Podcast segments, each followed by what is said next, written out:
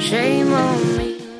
Goitzeko zortzirak eta hogeita mabi minutu ditugu eta segidan analisi maila zabaltzeko tartea hartuko dugu patxadaz bestelako gaiei begirada emateko. Kasu honetan eta lehenik eta behin agurrekin hasiko gara gurekin baititugu amagoia mugika berriako zuzendaria, lore agirre, jakin fundazioko zuzendaria eta Iñaki Soto garako zuzendaria. Egun hon irukote. Egun hon. Hizkuntza aferak izango ditugu lehenik eta behin izpide, ongi iruditzen bazaizue eta horretarako kasunetan Araba Bizkaia eta Gipuzkoako sektore publikoari jarriko gara begira, berriki onartu den e, bueno, Euskara dekretu hori, ez? E, sektore publikoko langileen Euskara dekretuari begira, baina horretarako laguntza apur bat izango dugu atzoko egunez, gurekin izan baitzen Euskalgintzako kontseiluko idazkari nagusi durre eskisabelek, eta naiz eta zenbait elementu balioan jarri, ba, jauzi bat emateko ezinean gelditu den dekretua izan zela nabarmendu zuen. Euskalduntza prozesuan eman beharreko jauziari ez dio, erantzuten lakuak onartu duen sektore publikoan Euskararen erabilera normalizatzeko dekretuak. Hala uste du kontseiluak bere idazkari nagusia da, idurre eskisabel. Zen ez, gure, eta da, gure kezka nagusia. Benetan, momentu honetan, eman beharko litzatekeen eta emateko aukera dagoen jauzi hori ez dugula e, ikusten. Dekretuak ez dakar Euskalduntzean eman beharko litzateken jauzia eta eskisabelek nabarmendutuen ez eman daitekeena. Urren urtetan, sektore publikoan diren langileen artean, izango den jubilazio kopuru handiak eta belaunaldi berrien hizkuntza profilak ahalbidetzen duelako jauzi hori. E, gaur egungo sektore publikoko langileen erdiak erretiroa e, hartuko duela. Eta hori ordezkatzera datorren belaunaldia dela, bazken burre, berrogei urteotako e, hizkuntza politiken eta hizkuntza sistemaren e, bidez, eta horri e, esker, ba, aro modernoko edo aro garaikideko belaunaldi euskaldunena. Euskararen aurka izan diren ebazpen judizialen ondorio garbia da dekretu hau kontseiluaren esanetan. Ebazpen judizialek unean unean kaltetu dituzten arauez gain, arogo doan ondorioak ere izan dituztelako. Beste kalte batek asko kezkatzen gintuen eta da zenbaterainoko beldurra sortuko ote zuen, ezta? E, araugintza, legegintza egiten ari diren e, horiengan eta dekretu hau uste dugu horren adibide bat e, dela. Dekretuaren osatze prozesuan ikusi da beldurrori eskizabelen esanetan eta adibideak ere eskaini ditu nahi zirratiari eskainitako elkarrezketan. Araba Bizkaita Gipuzkoako administrazio publikoaren edo sektore publikoaren e, iruditerian lehentasuna emango zitzaiola, ez? Euskarari. Edo e, baldintza jakin batzuetan e, langileen e, lan hizkuntza izango zela euskara. Euskaraz egin beharko zutela funtzio e, batzuek eta hizkuntza eskakizun batzuek betetzen zituztenak. Hori ere aldatu da eta euskaraz ere e, ezarri ezarri da dekretuan e, bertan. Badakigu e, epai, kontrako epairik jaso ez dadin e, e, e, hori saiesteko egin dela, baina horren ondorioak handiak e, dira, ezta eta nola baite udallegearen kontrako e, sententzia ba urratxe zurratx islatzen da.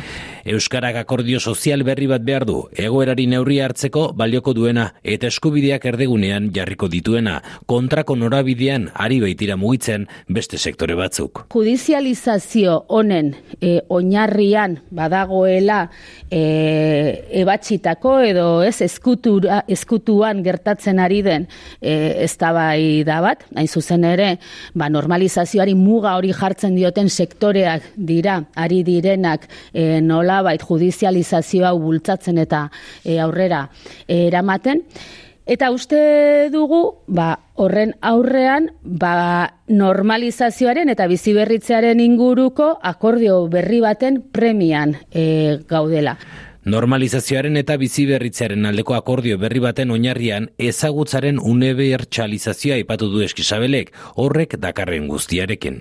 Uste dugu ezagutzaren unibertsalizazioa oinarri hartuta eta ulertuta ezagutzaren unibertsalizazioaren alde gaudela esateak berarekin konpromiso zibiko bate dakarrela, izan daitekeen bezala e, larrialdi klimatikoari begira ingurumenarekin eskatzen zaigun konpromiso zibikoaren e, parekoa edo aipatu dudan genero desberdinkeriari lotuta eskatzen zaigun konpromiso zibikoaren parekoa. Bere sanetan dekretu honen eraginkortasuna zalantzan jarri daiteke beste beste ez duelako definitzen, ez eperik, ez biderik, bere helburuak lortzeko.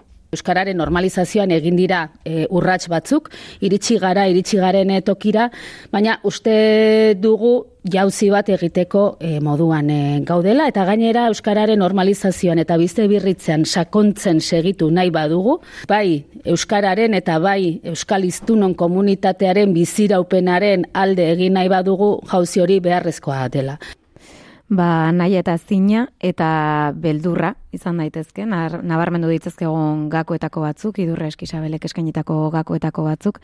Lore, adibidez, zurekin hasiko gara, zer iraduki ez dute eskisabelen esanek? Ba, bueno, egunon.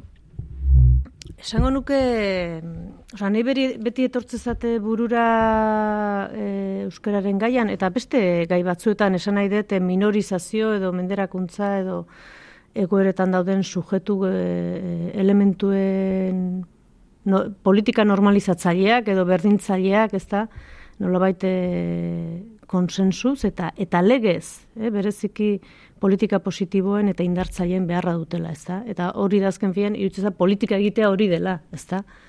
E, gutxegotasun egoeran dagoena, e, eskubide berdintasun plano batera igotzea, ez?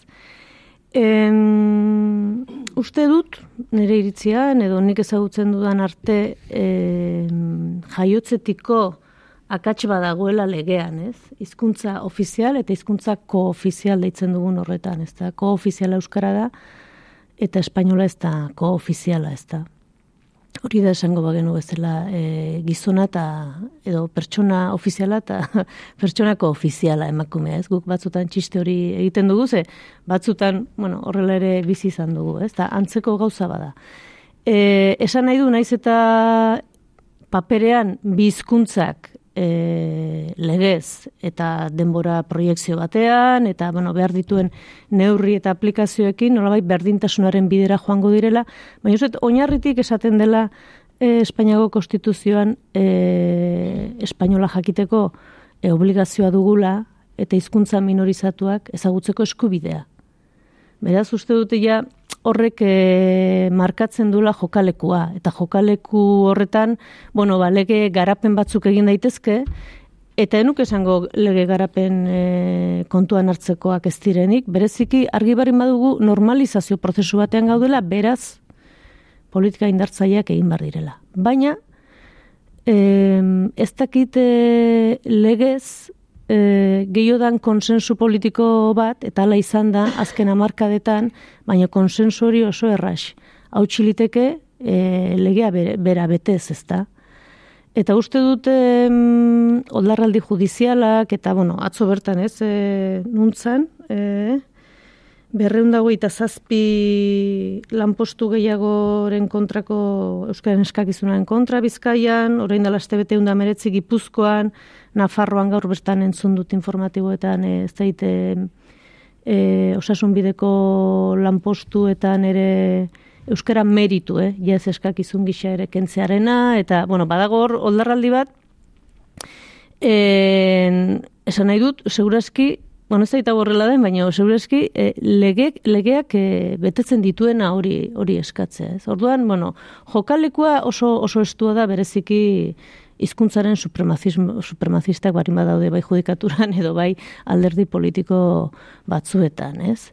En, gero, Euskal Herriko egoera uste dute esan beharko genukela, En, bueno, alderdi unonistek, sozialistak e, esango dut, bereziki, ze bueno, alderdi popularrak eta badakigu, alde horretatik oso garbiak direla hizkuntza uzietan, ez da? Baina alderdi sozialistak e, Euskal Herrian Euskararikiko dun posizioa da baliarretan boxek duen posizio bera. Eta baliarretako sozialistek ez dute posizio hori, ez da?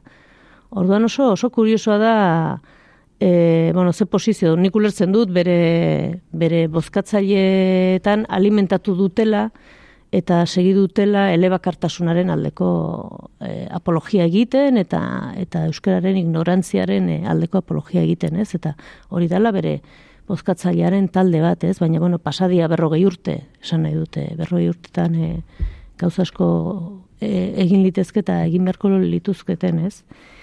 Eta nik uste dut jokaleku horretan eta beldurrak ere eragina dula, alegia legeak egiten dira alik eta nik esango nuke Euskararen aldeko legeak eaen alik eta zehatzenak, alik eta zirrikutu guztiak baliatu, alik eta horuzte jurista onak daudela hori egiten, baina beti alako horma batekin jotzeko arriskulatza dago, ez? Eta agian urtetan ez da jo, ez da nahi aina e, aurreratu, baina momentu honetan ba, horma bajo da, ez? Eta ematen du gainaz, pixat, e, orkestratua dela, edo ez leku askotatik eta nor jartzen ditu denuntzia hoiek eta hor badagola badagola, bueno, beti egon den berba da e, pentsamendu bat, praktika bat eta ideologia bat, ez?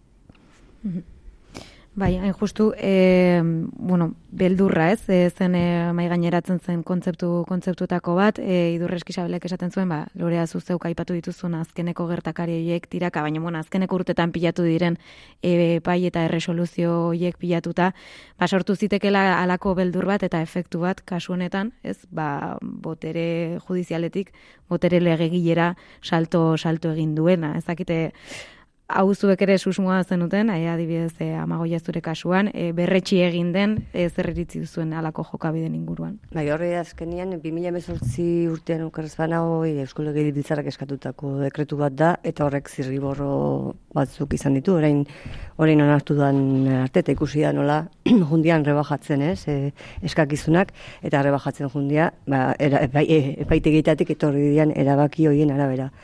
Orduan, bueno, eh hor ba eh esan bezala konstituzioen talka hor dago, hori aldatzen ez da mitartean, e, gauza gutxi egitea dago, legealdetik bakarrik, e, bueno, e, judiziarekin begiratzen badiogu mm, bakarrik.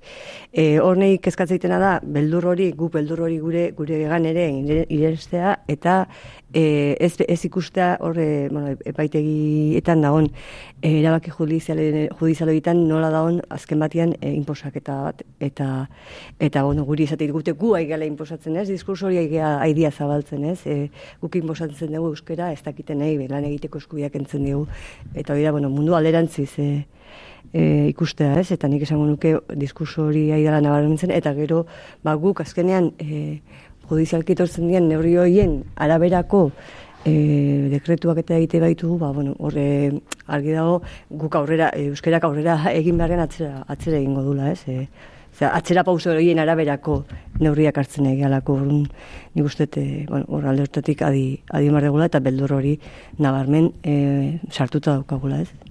Mm Nik ezakite inaki kasu honetan ere, bueno, e, kasu honetan dekretu hau, ez, e, elementu konkretu konkretu bat delako, baina mai gaineratzen ari garen kontzeptuak ere badirelako, nolabait e, Euskaldunon e, zama, zama edo edo bueno, e, botere harreman batzuen isla, ez? E, aipatu ditugulako beldurrak, e, bueno, privilegioaren e, mito hori, ez, gero kontrara zuke amagoia e, nabarmentzun zenuen, ez, e, privilegiatu itxura ematen zaigu euskaldun hoi, baina praktikan egoera diglosiko batean gaude, bueno, e, politika oso baten emaitza ere badela, gertatzen ari dena dekretu konkretuetan ere. Bai, eta begira, orain artefaktoaren kontu horrekin, e, claro, tokatze zaizu egun bat eta begiratu behar dituzu zenbat urtetan gertatu diren gauzak. Eta niri urtarriaren amairu amala tokatu zitzaidan eta kasualidadez niri tokatu zitzaidan larrogei garren amarkadan andoaingo udaletxean e, bibliotekaria posturako e, euskera jakitearekin eta hor zegoen onela. Alegia, iruditzen zait, beti egon dela eta begiratzen baldin badego atzera ziurraskoia normalizatu egin dugu maila batean hau etengabe gertatzea. Egia da pilatu egiten diela rekursoak, zea batzutan hori indartu egiten dela. Nere ustez, orain daukagun arazo dienetako bat da, ari garela diskutitzen esplizitoa esten e, zerbaitekin. Eta nere ustez da e, loreak aipatu duen bezala e, PSR-en e, eta PSN-eren pozizioa, sozialisten pozizioa da.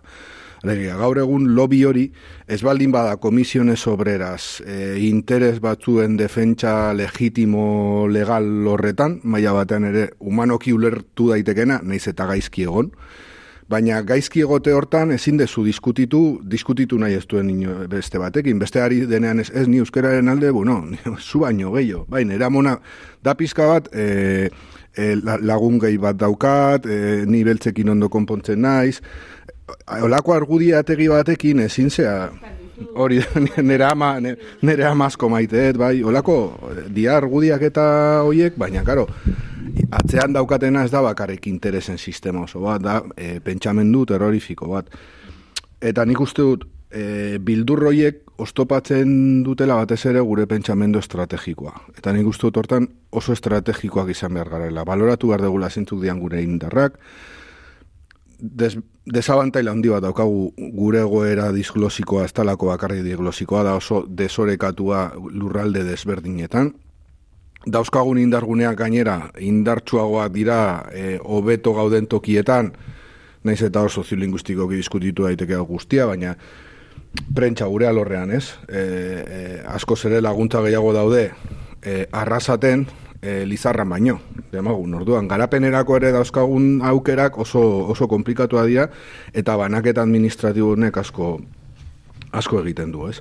Eta gero nik uste dut ere gu pendiente dauzkagula zenbait eztabaida eta nik uste tematen ari direla, baina ez tegula ere oso publiko eman nahi, e, ez diogulako e, esplizitoki e, e, gaizto jokatzen ari den horrekin nola horri abantailik ez diogulako eman nahi. Eta nire ustez, Badauzkagu ardatzu batzuk e, aklaratu behar ditugunak. Ez dut sinisten e, balio bakar batekin konpontzen direnik gauzak, edo gauzak erreduzitu daitezkenik e, ardatz bakar batetara, demagun eskubideak, demagun balio e, anistasuna, baina bai iruditzen zait garatu behar ditugula hoien azpian dauden e, diskursoak, adibidez, iruditzen zait garatzen ari gara edo garatuta daukagu eskubideen inguruko e, ardatz ideologiko sakon bat, eta beraztasunaren balioaren inguruan motelago gaude. Eta hori ateratzen dugunean, ziur asko indartzen dugu, ez kontra baizik eta diz, gurekiko distantzia dauden hoietan dauzkaten prejuizio batzuk. Adibidez, uste dut, erronka badaukagula, euskaltzaleak izan daitezken eta euskaldunak ez diren, eta izango ez diren herritarrekin. Mm e, asmatu behar ditugu hildo diskursiboak eta sortu behar dugu dialektika bat e, dekantazioa ez izateko bakarrik euskaldunen eta ez euskaldunen artean. Eta hori komplikatua da, maila batean ere e, behartzen gaituelako pentsatzera beraiek zeren arabera dauzkaten iritziak eta nik uste dut askotan horrek ere apurtu egiten dituela gu dauzkagun e, urgentziak edo dauzkagun e, incluso gure beste diskursori eskubideen inguruan, ez? E, bai, bai, bai, nik uste dut e, eskubidena garatua dagoela, bueno, a ber, nola esango genuke, ez? E, eskubidea eta niztasuna uste dute txampon beraren bi aldeak direla, ez? Eta, bueno, kasu honetan hizkuntza eskubide eta hitz egiten dugu, nik uste hizkuntza eskubideak ba, gainontzeko eskubide gehiena bezala oso eskubide materialak direla. Ez dira bakarrik hizkuntza, baizik eta, bueno, ba, bere materialitatea du. Esan noraino iriste zara hizkuntza horrekin, ez zara iristen, e, nun sartze zara, nunez, ze baliabide ekonomiko emate izkizu, kentze izkizu, bueno, hor badago, e, esan nahi dut, e, gauzatzen dian gauzak dira, ez dira abstraktuan gertatzen dianak, ez? Horregatik, e, e, izkuntza eskubideak eskubide, sozial gisa edo ere kontemplatu litezke eta kontemplatu beharko genituzke. Anistasunaren aipatu duzu, eta nik uste dute em, anistasunean esan beharko genuken lehen gauza dela, hauzi hau ez da euskararen hauzia. Eta nik sarritan erabiltzen dut e, euskararen hauzia, baina uste gaizki erabilia dagoela, uste hizkuntza hauzia esan behar dugula. Ez, ez dela problema, ez da euskararen gainean, baizik eta hemen daune hizkuntzen auzi baten gainean, ezta? Eta auzia hizkuntzena den enean edo bueno, uste dut guztion arazo badela, osea arazo demokratiko badela, arazo eskubide sozialen arazo badela. Osea ez da gure kontua baizik eta norbait interpelatu behar duela e, hemen bertan bizigaren e, eta bizitzen ari garen e, guztion e, praktika. Gero realidade soziolinguistiko diferenteak daudela jakina baietz eh, errealidade soziolinguistiko horietan edo euskararekiko hurbilpena edo ezagutza e, edo erabilera gauza diferenteak direla, baita ere. Badagoela jendea Euskaldun izan gabe Euskal komunitatekoak direla besteak beste Euskararen patu azkezka dutelako, baita ere. Badaudela Euskaldunak en, Euskal komunitatean kokatzen ditugunak Euskaldun direlako, baina Euskararen patuaz kezkarik ez dutela baita ere. Esan, bueno, kausistika haundia da, ez? Orduan, zuraski erreduzitzea e, gauza bakarrera e, ez, daka, ez daka zeintzurik, ez? E, ni komentzi dutan hau eta ez dakit e, ez horrela delako, baizik horrela egin arazi beharko genukelako, ze gauzak ez dira perse, baizik e, egin arazten dizkiegu gauzak, hizkuntzaren auzia eta euskararen borroka e, eskubideen aldeko borroka badela, baina eskubide guztiena. Eta nolabait anistasunaren eta herri honen e, nolabait e, komunitate egiteko elementu nagusienetako badela, beste askorekin batera, jakina ez, baina badela edo izan behar dela, horretara horretara jokatu behar dugula, ez? Da uste nik diskursoa hortik joan litekela, bueno, e, privilegio supremacistan kokatu da nik ulertzen dut, hau etzaio bate interesatzen, ez da? Bai, bueno, e, nik uste dute badaudela diskurso demokratiko batzuk, hizkuntzarena obiatzen dutena, ez? Eta hori, irutzeta kontra esan oso, oso nabarmena dela, ez? Eta, bueno, nik uste dut badauzka gula debateak e, egiteko, en, importantea dela elmuga markatzea, elmuga markatzea. Eta oinarrian, bueno, gure esan nahi hizkuntzaren hauziko e, pentsamendua eta praktika nolabait e, em, bueno, ez da, hau asko gustatzen, baina idurrek esan du, ez, e, nolabait akordio zibiko bat. Ez ez esaten nahi beste etiko bat, ze, bueno, hori ja bakoitzak bere etika edo izan lezak ez baina zibiko bat, ez, zibismoari lotutako, ez, akordio bat, hori oinarri eta helmuga bat, ez, berdintasuna eta anistasunaren defentsa herri honetan, besteak beste, hizkuntzari dagokionez euskeratik pasatzen dena, ez? Eta hor, bueno, ba, bideak markatu eta nolabait e, interpelatu eta eta guztio nauzi badela, ez? Eta ez dela bakarrik hizkuntzaren nauzia konpontzeko bide bat, baizik eta prozesu demokratizatzailearen barruan beste elementu bat beste askorekin batera dijoana, ez? Eta uste dut, bueno, ba, bide horri ari garela egiten neurri batean, baina baina zail dala baita ere, bueno, igual ez da bai da edo sozializatzea, edo ez da, ez da errexia, ez? Bueno, lehen sozialistak aipatu ditut, zuk ere bai inaki, ez? Baina herri hontan gertatzen da, mendia batek eh, kanpaina elektoralean Euskaldun hori mm, denetarik esaten digu eta ero lehen orde jartze dute, esan, ez du, ez du inungo inork ez dio, bueno, bai, norbait ez esango dio, baina gero plano politiko boterearen plano errealean ez du inungo bai, ondori hori. Bai, eta ezak euskera kristona bodatzen ditu bai. euskera. Bai, bai, bai, bai, ez genitunak ere, bai. Bai, et, baina hori ere aldatu da, eta askotan iruditzen zait igual gaudela diskut, erosoagoa dela guretzat diskutitzea antagonismo parodiko horrekin, e, realidadean dauzkagun beste erdiko hoiekin baino, Eta adostasun horiek emango dira erdiko hoiekin, bai. ez da emango beste hango hoiekin. Orduan, guretza retorikoki errazagoa da e, epaiearen irudi horrekin e, horren aurka egitea, e, ba hori, beste realidad, ako, ba, o, e, e, anduezak euskeraz, euskeraren kontrako barbaridadeak esan ditzake. Eta horrek apurtu egiten ditu orain arte, historikoki edo inkluso mentalki izan ditugun zeinbait, e, zenbait eskema. Eta nik uste dut fase horretan gaudela, ze parte batean irutze, e, euskerari asko falta zaio minorizatu izateko, noiz bai lortuko bada, hmm. baina agia, gure helburuen barruan jarri dugu minoritarioa ez izatea. Hmm. Eta aldi berean, e, erritartasunari lotuta, etorriko dira beste pertsona batzuk eta beraien e, hizkuntza ez da izango minorizatua, baina hemen minoritarioa izango da. Eta mm estrategiko esaten dudanean, esan, esan nahet, hasi behar garela aurre ikusten, e, aurrerantzean dauzkagun eskenatokiak ez direla orain arte manejatu ditugunak. Eta hor konstante bat izango da Espainiar judi, judikatura. Hori ez taldatuko independienteak e, ez garen artean. Baina hori kenduta gure herrian ere ustez fase desberdin batean gaude eta horri egokitu behar gara. Nik uste dut Euskal Gintzak badauka krisi bat eta ba, onartua gainera eta badauka ere eztabaida bat honen, honen inguruan. e, zailtasunak ikusten ditut gure komunitatean eztabaida hau e, normal emateko testu inguru judizia, judizializatu honetan. Iruditzen zait, honek gehiagi markatzen dituela gure eztabaidak. Baiz, azkenean, bueno, ez, mundua boin aldatzen nahi da bezala ez, ba, horre pentsa genezake guk egindako bidean erronka batzuk eduki genitzakela ez, ba, pixka bat guk zer nahi dugun pentsatu eta aurrera egiteko, baina noski, e, bali maukagu diskurso bat gero eta ezarriagoa da ona, eta esaten duna, ez? Eta azkenean, e, diskurso ideologiko erabat eta politikoa dana, eta esaten duna, bueno, Euskaldunak, onain iritsi zate, ez? Eta hori da azkenean egiten nahi dena e, judizializazioarekin, eta abarrekin, ez? Onaino, hemendik aurre ezin dezute garatu, ez? Eta gur, berrez aurre ibiteko zer egin behar da, ez? Piskat nik horrik usten dut, eta on arriskua. Baina, baina erronkak ere ikuste izket e, etorkizunean e, euskariakin egiteko. Telegrafi, bai, bai, bueno, bota, bota, bai, lorea. Nik alore uste dute, eta legeak importantea diala. Eta lege babesa ez bai, besteko. Bai. esan nahi dut, mm-hmm. ez batzutan... Areta espainolak ere.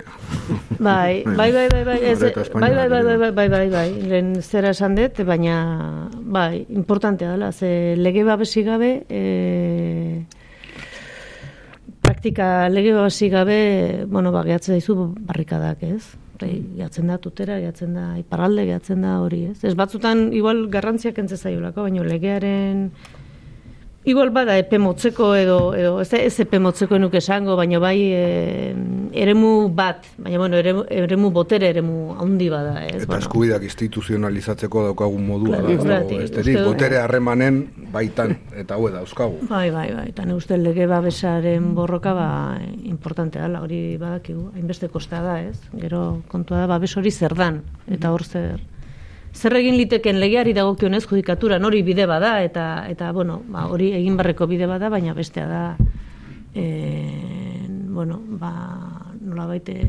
euskara elementu politiko gisa herri honen ba, eraikuntzan, ez. Mhm. Eta telegrafikoki baldin bada ere eta mua harrapatzen duen lehenengo orako, herri akordio zabalen eta besterako aliantzen inguruan hitz egiten ari dela, kasu honetan Araba Bizkaia eta Gipuzkoako hauteskundei begira eta jada data ofizialki ezagun ezagun dugula, uste duzue e, kanpaina honetako erdigune hartuko dutela halako diskursoek eta hizkuntza aferek edo edo herri erronka horiei e, heltzeko gabezian geldituko gara. Honetzat, kampainan euskerak eukiko du, eukiko du lekua, hori seguru, ez dakitena da, kampainatik aurrea. Ez dakit dagokiona. Bueno, dagokiona, baina, bueno, hor ego, EH Bilduren eta EJN artean egongo da, hortik ere pixka bat, ez dakit zenbateko ba, baina, oain, gero, hortik aurrea zertak gertatuko da, ba. Korrika dator eta orduan tokatuko da. Hori ere, hori ere egia da, datorren analisi maietan akaso berrartuko dugu gai hau, baina txirriña joduenez, atxerentxo bat egingo dugu eta segitan gara bueltan zuekin. Eskerkasko informazioaren aria naiz irratian.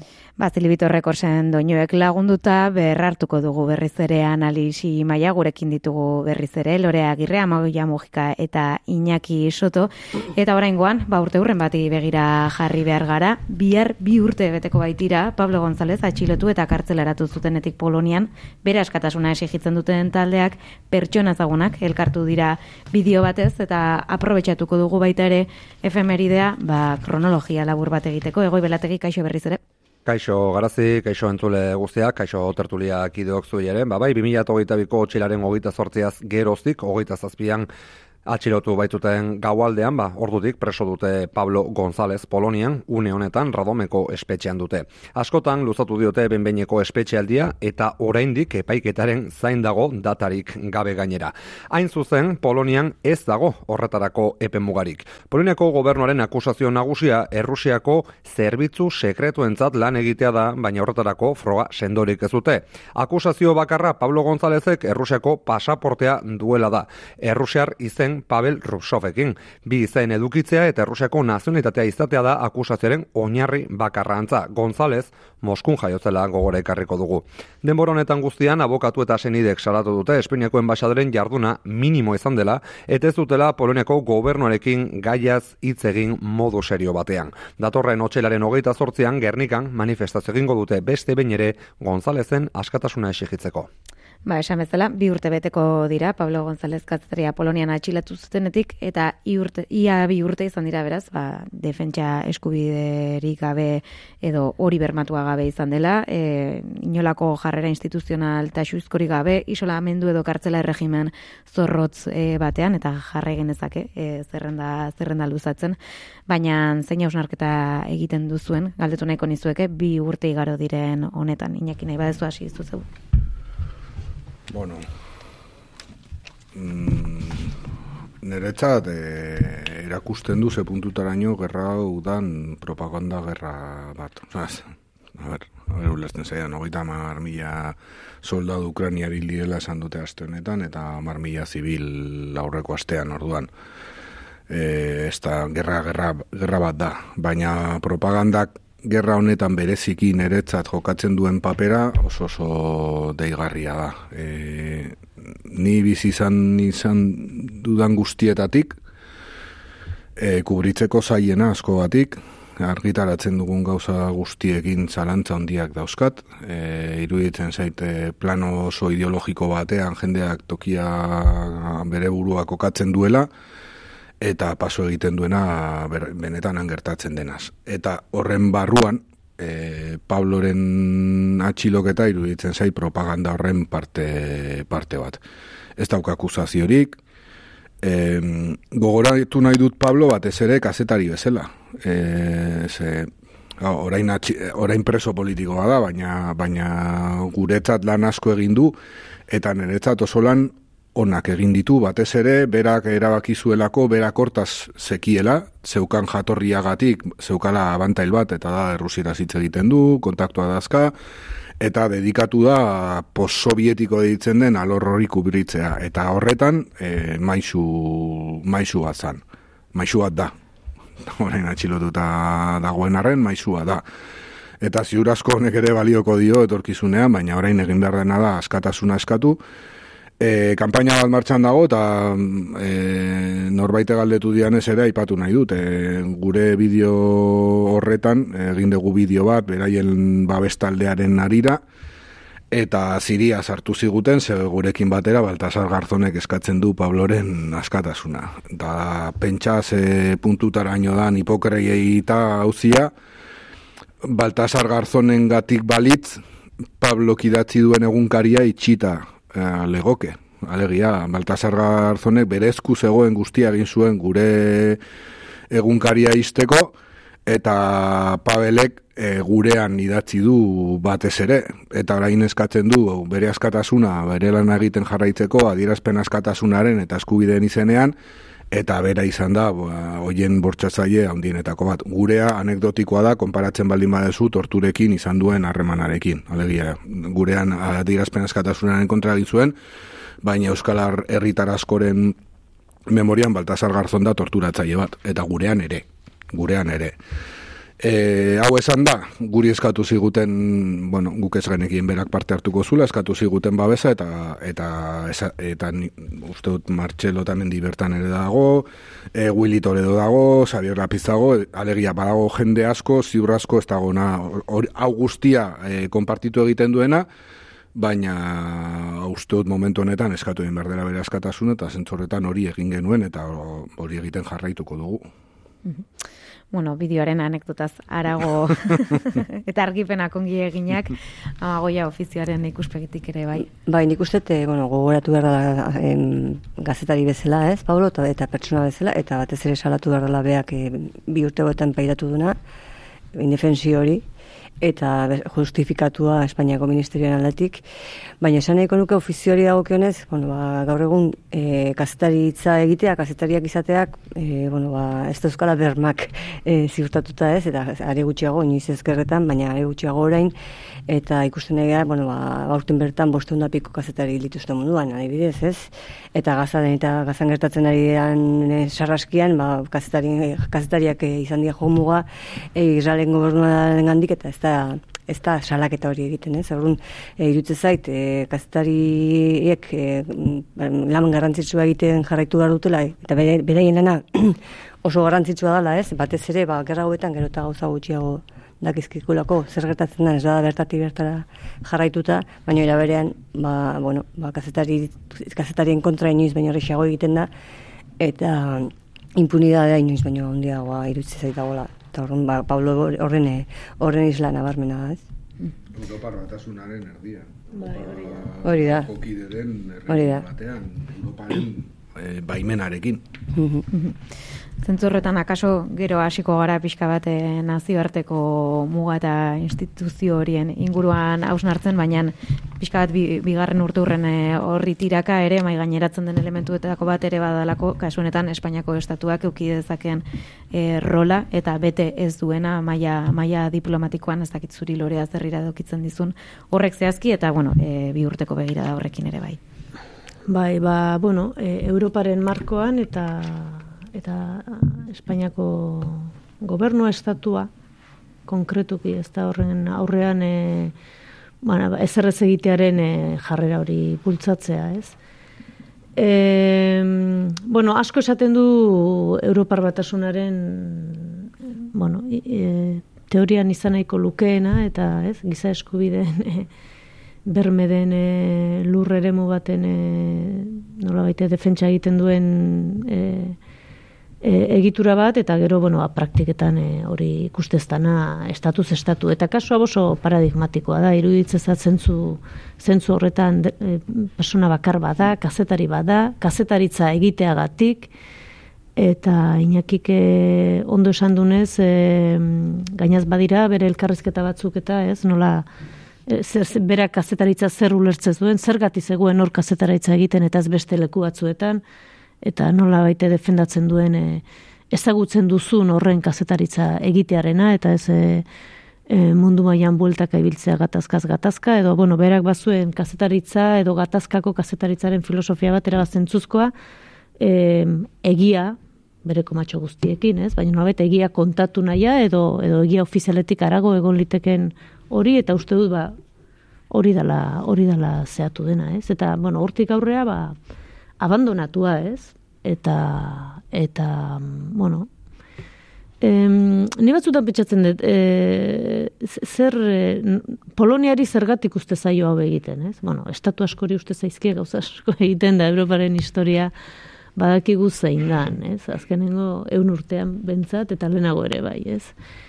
Baina ez dakit ez ote dagoen baita ere e, kazetari bat, preso politiko bat, egotetik arago, bueno, ba, herrialden artean sortzen diran, e, ez dakite, bueno, e, bakoitzak bere burua nerean etzaite sartutan izurearen esartuko, elkarren ganako baita ere beste morrontza mota batzuk, izan ekonomikoak, izan politikoak, izan sozialak, izan e, Europako Parlamentuan bozkak ez bozkak, bueno, nik uste dut horri interes asko jokatzen dela alde batetik, eta beste alde batetik desinteres absoluto bat, e, bueno, ba, Pablo González zelako personaje segurazki kaztari oso deser oso batentzat, momentu honetan Europak ba, Ukrainaren gerraren aurrean, edo bueno, beste gerra batzuen aurrean e, hartzen duen e, posizioarekiko, ez? Orduan, ba, ba, esan oso paradigmatikoa da. Eta, eta uste gauza asko esaten ditula. Mm. Gatazka asko utziko ditugu e, ziurraski algoetan, baina egia da geure, geure titularretan ez, bereziki Ukraniako eta Palestinako edo Gazako gertakari horiek ari direla ba, horri aldeak eta horri aldeak bilatzen, eta ez dakit horrek ere perspektiba pixka e, zabalduz ematen dizuen pentsatzera e, bueno, ez, e, lan diploma, Espainiaren lan diplomatikoaz ari, ari ginelako, baina baita ere ba, palestinako kasuan, ez, egon dira e, alako saiakera batzuk, ba, ez dakit, eh, herrialde batzuk interbenitzeko modu batean ala bestean, ekarri dezakegu Sudafrikako e, adibidea, ez, e, nazioarteko justizia auzitegira e, Israel eta Benjamin Netanyahu eramaterakoan, baina ez dakit honek ere ematen duen sentsazio bat, eta kaso igual ni ari naiz, nire belaunalditik hitz egiten seguraski hauek izango direla, ba, nire memorian lehenengo hitzatuko diren gatazka, nazioarteko gatazka edo gerrak, eta beste asko ere egon izan dira, ez? Baina harreman e, internazional eta diplomazia internazional horren zilegitasun e, falta, e, auskortasuna, gabezia, zer, neri behintzat zerpentsa ematen dit, ezakite kasunetan zukinatki nahi duzun testigu hartu. Bueno, bai, gu zu baino asko zer gehiago ezagutu ditugu. Bueno, eta kakotxa artean, ere? Espero dezagun e, zure zahartzaroko edo helduaroko memorian e, Palestina ez egotea gurean dagoen bezala. Ze harrigarria da, ze puntutaraino e, gure lehenengo gerretako bat gerra bezala, e, hain zuzen ere palestinarrena izan den eta oraindik orain hemen gaude eta ez genuen uste hau ikusiko genuenik eta honela gertatzen ari da 2008 lauen. E, ekarpenen bat egiteko edo zerbait esateko ni harrituta nago ze puntutaraino gerrarako arauak desagertu egin diren. Eta parte batean ulergarria izan daiteke. Bi kasu jarriko ditut Ukrainiako gerrari lotuta. Eta bada Malasiako abioiaren e, erorketa. Eta beste bat duela bi aste gertatu zen Ukrainiako desertorearen e, eriotza zean. E, tirokatu zuten alikanten. Olako bi gertaera, e, gerra hotza ditzen genuen hartan, izango ziren hauzi diplomatikoak historiako liburuetan geratuko zirenak, alegia, per, desertore bat daukazu, helikoptero bat eraman du, akatu dute bere komandoko dozeak, e, eman diote milioi erdi bat, eta bidali dute alikantera e, bizitzera. Eta hortik, hilabete gutxira topatu egiten dute, Rusiarrek, eta akatu egiten dute. Zerbitzu se, sekretuak topatu egiten dute, eta akatu egiten dute, beste herrialde batean. Europako, Europar batasunako beste herrialde batean. Eta eh, eh, ez da Jon Lekarreren liburu bat, baina harrigarria da ze puntutaraino eh, lehenu izango zela aga- izango zen agatazka eh, diplomatiko ikaragarri bat pasa egiten den inolako zehari gabe. Eta nire ustez da e, estandarrak e, pikutara joan zaizkigu. Eta ez dugu horri buruz behar bezala e, eztabaidatu nahi. Pendiente gaude e, nazioarteko epaitegiek esango duten, bai justiziakoak eta bai penalak, Israelen gertatzen ari denari buruz, baina tamalez onartzen dugu, existitu egiten dela aukera bat genozidio hori ez onartzeko genozidio bezala, ju, lehen ere esanketen genuen bezala, e, legalki ere honela izan daitekelako, alegia gongo dira justifikazio batzuk eta argudiak eta izango da zentzu horretan, ba, impekablea, baina genozidioa gertatzen ari da, gu genozidio, hori- honi genozidio de, deitu behar diogu bai ala bai. Eta ala eta guztiz ere gure nazioarteko komunidade honetan hori bestera batetara deitu daiteke. Edo ezin da honela deitu. Orduan, uste dut horrekin daukagula kriston arazoa. Eta aldi berean, paradogikoki, horrek bultzatzen gaitu sekula e, bultzatu ez gaituen bezala nazioarteko komunidadearen gobernantza orokor horren alde. Ne, neretzat paradogikoa da. Osa, ni gaur egun nago nazio batuen alde sekula egonez naizen maila batean. Eta akaso jende bate pentsatuko dala nere garapena edo zaharra zahartu naizela eta gerra gehiegi ikusi ditu dala. Baina bai iruditzen zait, horren fundazioan dauden elementu e, instituzional, etiko, politikoak, berreskuratu behar diren elementuak direla. Eta onartu egiten dut hor barruan dagoen guztia, beto eskubidearen eh, antzutasuna, zera, nik da, kritika guztiak onartu ditzaket, baina alternatibarik ez daukat. Eta alternatibarik ezean horren alde egin behar dela iruditzen zait. Eta paradogikoki, ezkerretik horrekin oso kritikoak izan garenon gaur egun e, ba, mundua ainatzean dago, ziur asko edo estandarroiek hain pikutara jundira, hori defendatzeko beharra e, nere ustez e, ez bakarrik zilegia, baizik eta beharrezkoa dela. Nazio batuen erakundea beharrezkoa balin bada, eta ez naiz e, kontrakorik, eh? Itzei gauza asko aldatu beharko gintuzkela, zean, momentu enten bintza, segurtasun kontseiluak daukan rola, eta ez, ba, bigarren mundu goratik hart- hartuta daukan rola, eta eta gaur egun estatu batuek dakaten boterearekin, bai, eta ikusten naia palestinan goazan, ze pasatzen nahian horregatik ere, ez? Honik uste segurtasun kontseilu hori, ba, pf, ba bertan bera, geritzu behar dela azteko hortaz aparte irutze zaite gaur egun, bueno, gaur egun lehen iguale bai, baina Europako batasunak adibidez, e, batasun hortan, e, bueno, diferentzia handia dauzka eta galdu egiten da, eta azkenean gero e, estatu batu adrekiko gero eta menpekotasun handia goa daukan hortan, ba, ez dakira oso ondo, ez, no, e, nola funtzionatu, era berean, bueno, naton gero eta diru gehiago jartzen dugu, ez, estatu guztiek gero eta diru gehiago jartzen dute, eta, bueno, azkenean, nolabait bi bloke ez, bueno, Rusia batetik eta gero gu, ez, mendebaldekoak, nolabait bloke horiek eta hor kontrolatuta auki nahi, baina hor dena sartzen da, impunitate guztiz egin dezakegu, ba hori, ba gazako genozidea, ez da ze pasatzen Israelekin, Israelik uki ezin da, ez, ez dura di, baina horako txiki batek zenbateko botere auki dezaken munduan. Eta gerrak nik uste, bueno, aldatzen ari dela egiteko moduan, baino funtzean, gerra bat ateratzen dana da azkenean armagintza gehiago di, eta, eta martzenario gehiago munduan. ez dakit, ez irutze zait gerra batek ez dula ezer honik ekartzen eta gerra ez betetze ditugula, ba gure e, azkenean, bueno, dirua, diru, diru zea bat da, ez, da botere leku bat da, bueno, hori dagoen bitartean ez dakit nazio batuak, edo pintzat garantia batzuk behar, behar dira, edo, edo auzitegi, ez, auzitegi hauek garantia batzuk behar edo, edo indar bat, gaur egun ez dakatenak, ba, olako gauzak salatu ez bakarrik, baizik eta horri izen bat jartzeko eta zigortzeko, baina gaur egun ez da hori existitzen. Estia vinkulanteak ere, beraien. Hmm?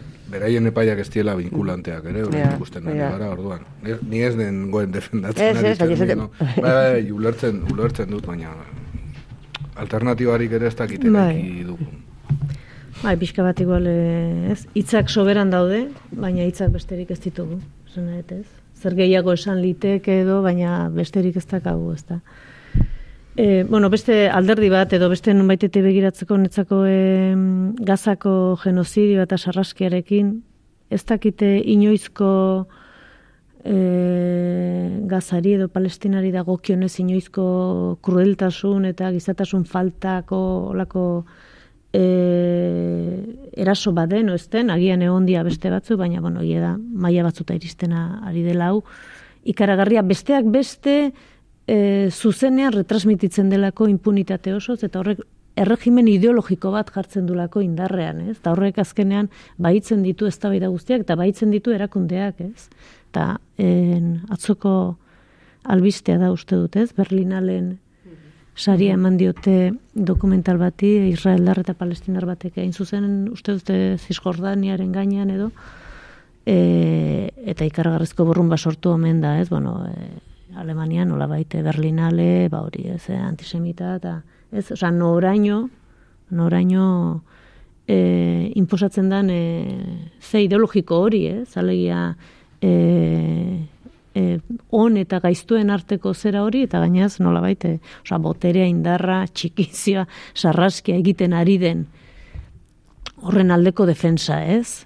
Alemanikoa, alemanikoa kuriosoa da, Alemanian zer, zer gertatzen ari den erreduntasun historikoarekin, baina hori baino gehiago izango da, pentsatzen dut bestela, ez da, netzako ez da, ez da ulergarria. Zer gertatzen den, alako, ez? E, posintzomentu hiek esan ez, e, gu beti Israelekin. Baita hemen mila urtera edo zer egiten duela, ez? Ez da ditorre zer dagoen e, azpian. Baina da pixka bat, e, nik uste dut zer, zer pentsatzera eramaten gaituen. Guztio gizarte bezala eta eta zera bezala. Eta eskerrak, Ego Afrikako bezalako alako dinamika bat sortzen den, eta esatezu, ba eskerrak horri, ez? E, bestela, e, zer da azkenean, e, e, zilegi egiten dena, ez? Ba, estandar guztiak hausten dira, e, e, gerra krimenak eta nola baite arautuak e, ditugun honetan, bueno, hori beti hau txiko zian gerra guztietan, ez da? Baina orain ja, e, hausten dira eta adierazten da hausten dela eta hautsi egin bardia eta haustearen defentsa egiten da eta bueno ba, muturrera gero eta muturrerago eramaten dien egoera dira eta gero eta isilago, ez? Edo gero eta bakoitza bere bere zeran, ez? Mhm. Bai.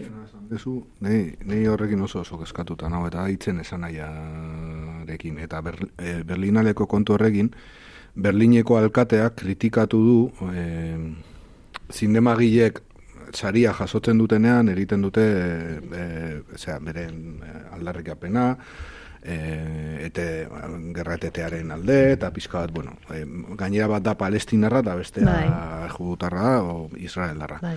Eta e, Berlingo alkateak, antiz, antisemita, oza, e, judutarrekin inolako harreman zuzenik ez daukan pertsona batek, antisemitatzat hartzen ditu palestinar eta judutar baten hitzak, eta e, izugarria da orduan, e, arazoa da hitzak besterik ez daukagula, baina hitz horien esan nahiaren inguruan ere kriston Claro, gatazka claro, daukagu, bai, eta gatazka hori nire ustez hor bai konfrontazioa egon behar du.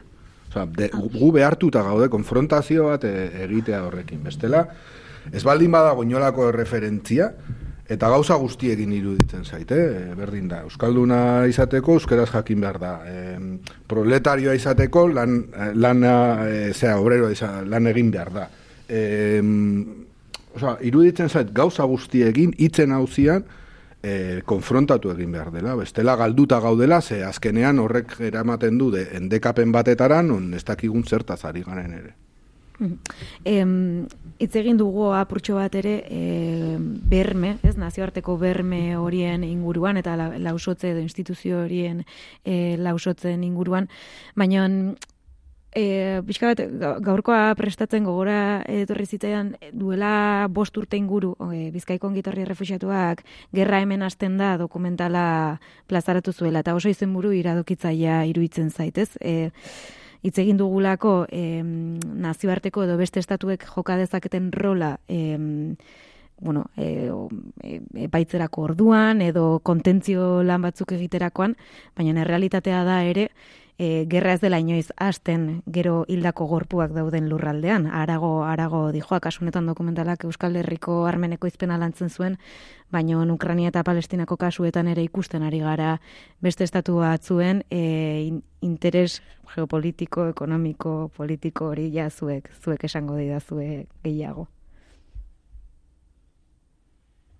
Bueno, azteko ez dakit, e, maipatu ez gainetik, baina e, gerrak hasten dira dirua, dirua jartzen dugunean armagintzarako eta eta argi dago azken aldin e, estatu guztietan, Europan nintzat estatu guztiek igo dutela izugarri e, natok eskatzen duenaren e, e, zera, bar- barne produktu gornea euneko bi izan behar dula, adibidez Alemaniak aurten e, euneko bia jarri du armagintzan eta segurtasunien eta hori e, izugarria da, osea, ez dakit zenbat milioi baina asko.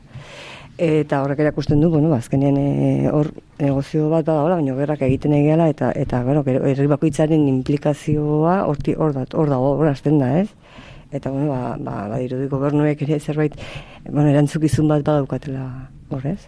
Eta gero gero ja norbanako erantzukizunarekin hasiko binaka, baina nik uste lehenengo esan nahiko nukela hori, ez? Ba, Europan, eta adibidez orain, bueno, estatu batuak dira dudik gabe, diru gehien gastatzen dutenak, eta adibidez kasual, eh, kasualia ez bain Uk- Ukrainako eh, dirutza kongresuan eh, da bolkeatuta dakate, Osea, erabaki politiko bada hor Europa da pixkat ez dakela zer egin da bitarte hortan mezua da Putin gelituko zaitugu beraz diru gehiago jarriko dugu zu- zure kontra egiteko. Eta bueno, ba, estatu batuek ere ikusi beharko da zerban tren bateratzen baren bada, baina hor gerta daiteke e, bueno, Ukrainaren kasuan e, estatu batuak e, hor kanpo gelitza eta Europak oraindik ere diru gaio jartzea, baina ez dut e, diru ez jartzeagatik gelituko dianek e, garrak baizik ere iruditzen zait, gero eta segurtasun gehiago jarri behar da, gero eta diru gehiago jarri behar dela garrak egiteko hori dela, pi- e, e, e, ikusten nahi gana a- urte askotan, ez? Igotzen nahi dela. Bai, orain proxy wars deitzen diote noiek dia delegatutako gerra hoiek, ez? Eta estatu batuak daude sartuta bi gerratan non bere soldadurik ez duen borrokatzen. Bueno, Ukranian egon egongo dira beraietako asko, eh? baina baina adibidez gazan, ez? Eta da eh, bakarrik dirua eta armagintza eta armak bidalita zu geopolitikoki kokatu zaitezke eta eta lehen eh, amagoiak planteatzen zuen eh, atlantismo horren izenean eh, saiatu zaitezke moldatzen mugak, eh, botere harremanak eta, eta, eta herrien eh, izakerak, ez? Eta nik uste dut oso, oso, oso arriskutsua dela imperialismo delegatu hori, ez? Oso, gainea guretzat Europan hori egia da ezaguna dela, gu horren parte, proxy horren parte gara, baina bi gerra hor- hauetan bereziki harrigarria da oso duela ez asko e, zaila zelako pentsatzen onelako bigerra maila horretan aldi berean egotea e, martxan. Eta nik uste dut horretan ere, prestatu behar garela, orain arte aurre ikusten ez genituen egoera batzuentzat, eta gerra hoiek handitzen jungo dira, ez dakit eskualdera zabalduko den edo ez, ni hortan ere ez naiz aditua, eta gaina e, mesfidantza bat badute horren onelako pronostikoen inguruan, baina esan behar da, Pabelek idatzi zuen azkeneko artikuluan, esaten zuen Ukraniako gerra ezara gongo batzutan kazetari hori, hori gertatu egiten zaigu, bera bezala, gaiaz asko dakien norbait denean ere, ez? Orduan, nik uste dut gurea ez dela, gure lana ez dela hori, baina bai aurre ikustea benetan e, ezagutzen ez ditugun egoera batzuk eh, batzu aurre egin beharko diogula eta gerrarekiko guk daukagun harremana e, ez, ez bakarrik baketzaletasunetik edo ezkerretik edo edo alineatutako herrialde ez herrial ez alineatutako herrialde hoien babesetik arago uste dut e, pendiente daukagula honen inguruko gogoeta sakon bat. Bai, bueno, zerbait gehiago gehitzearen ez, nahi mm, gai hauekin armen saresketa gerrak, eh, mailako zera hauek eta nola baite geopolitikoki errealdeak okatzeko, ez geopolitikoki baita ere balia bideen e, eskuratzeko eta guzti horretan, Osa, demagogia ez egite oso zaila egite zait, oso gauza simpleak esateaz, baina bueno, e, igual e, utziko diazue harinkeria bat esaten, baina armaren industriak ematen du ekonomia zirkular perfecto badela, ez? Nola baite e, gerrak sortzen dituzu, zuk sortzen di, zure herrialdetik kanpo, zuk sortzen duzun e, zure industria armamentistiko guzti hori nola baite saldu eta eta eta besteak beste e, oraintxe bertan ez besteak beste horre irakurri dugu nun baiten estatu batuetako ekonomia reflotatu duela besteak beste armagintza industriak gora egin duelako. Alde batetik gobernuek eh, eroste beraien eh, arma erosketetan e, asko zinbertsio handiagoak egin dituztelako, pentsatu nahi dut batzuk ala konbentzituta eta beste batzuk behartuak direlako, hoieke konsensus hartzen dian edo nolabai negoziak eten barruan e, beste pakete askorekin batera negoziatuko dien kontuak dira, zuk erosi behar diazu hau, behar edo ez behar, edo, edo, edo ez. Orduan, bueno, ba, pixka bat, e, oso, e, oso tresna, e, nola esango nuke, e, beldurgarria da, ez? Nola baite zure industriaren parte bat, parte nagusi bat hori izatea, eta horretarako neurri batean gerrak provokatzea hori saltzeko zure lurretik kanpo eta gainaz, bueno, interes diferentekin batzutan interes baliabideak petroleoa eta bueno, hori ikusi dugu, zenbat berreskuratzeko modu merkean, beste batzutan e, geopolitikoki kokatzeko edo eta hauzia handi bada eta bueno, Euskal Herrian ere armagintza enpresak badaude, ezta. Mm Hemen bertan, hemen dik oso kilometro gutxitara ere baditugu. Eta egia esan, esango nuke horre isiltasuna handi badagoela, eta e, isiltasuna inbesteraino, mm, ondale zain beste esantzia den bida, hori, pabioi hori, arma fabrika bada. Ez du ezer jartzen. Ez du jartzen indar, e, ez da edo kaf, e, trenak egiten ditugu edo, eslogana gaur egun, ez, dana leloekin saltzen dan horretan, pabioitan ez du jartzen ezer. Bueno, ulergarria ez jartzea, baina zonet, isiltasunaren adierazgarri da, gugeuk ere, etxe ondoan daukagut ez dakigu, hor zerrari diren egiten, ez? Eta nora doazen arma horiek badakigu, zegero agertzen dira, handa hemen, kazetariek ikertzen dutenean, agertzen dira. Berriz ere ari gara pixka bat zirkula izten kazetaritzaren e, elementu elementu horrekin, baina e, amaitzeko magaina eratzearen ere sozializazioaren ez eta ezagutzaren ikuspegi hortatik amagoiazuk ere e, bueno, kompromiso individualeak azpimarratu dituzulako, ez, edo mai, norbanako mailan, baina igual pixka bat ere norbanakora jeitsi gabe, baina e, nazio batuen erakundea, Europa, e, Espainia arrestatu aipatu dugu, baina Euskal Herrian ere, estaturik gabeko e, lurraldea denean, parte hartzea bai, e, armeneko izpenean, baina zer egin dezakegun ere, askotan ez dakit, e, nahi zinean gelditzen, gelditzen garen, edo, edo badugun ere egitekoa, edo sentsazioak besterik gabe, eh? Bueno, egitekoak noski dauzkagula, e, ez dakitena da, bakoitzan den kompromisotik, e, bueno, zer egin neiken eta kolektiboki, noski. E, guk azetari bezala egin gizun badaukagu, eta egin gizun hortan ba, gure egitekoa da, bueno, ba, eh, ezagutaraztea eta salatzea, eta, bueno, eta, eta normanako bezala, ba, ba, ona atozenei, edo aldegin behar izan dutenei ere arrera egitea gutxienez, eta gero, ba, okitzak daukan kompromiso mailarekin, baina kazetari bezala, nik gintzate egin behar handia daukagu hor. Bai, no, begira Pabloren kasu oso oso argigarria da, eta uste dut Euskal jendartea eman diola babes komunitario bat bere herritarra delako, baina bai adibidez gu egunkari bezala eta gure administrazioak bigarren plano batean geratu gara, maila batean pentsatzen genuelako hori zena inteligenteena mm. puntu batera arte. Denbora pasatzen ari da, Espainiar estatuak ez du eser egiten ez baldin badakalte, eta agian momenturen batan helduko da, epaiketa hartorriko da, eta nik uste dut ere horrekin aldatu beharko dugula, alegia. Uste dut ere batzutan gertatzen zaiguna dela, gure administrazio hauekiko daukagun exigentzia maila mugatua dela, badakigulako beraien almenak ere mugatuak direla, baina horrek albidetzen du aldi berean egin beharko luketena ez egitea. Eta nik uste dut horrekin ka, e, ez dugu lasmatzen, eta eta hobeto formulatu beharko genukela, ze ardura bat eduki badaukate. Pabloren kasuan, gerren kasuan, gazan gertatzen denarekin, eta nik uste dut asmatu egin behar dela. Momentu batean izan daiteke onartzea gure txikitasun honek ez dula gehiagorako ematen, baina gero, iruditzen zait, buelta eman beharko geniokela, eta pentsatu behintzat, zer bai egin behar dugun. Mhm. Puntazioa gaur e, pixkate horrekin lotuta, baina e, gaur iritzi bat agatera dugu berrian langilean izenean, e, elkartasuna diraziz e, Pablori, eta baita aitortuz ere, bueno, ba, seguraski ez egin guk ere, behar genuen guztia bere alde, ez? E, ikustet, bueno, esaten ega e, xiltasuna handia gondala kanpora begira, baina guk euk ere ez ote diogu muga bajarri, eta nik ustet, bueno, oraindik ere gauza asko egin ditzakegula bere alde, eta asteko garaia da gure aldetik ere. Ba, Magoia Mojika, Lore Agirreta Iñaki Soto, mila esker e, lokatza gurekin murgiltzagatik, eta datorren erarte. Besarro.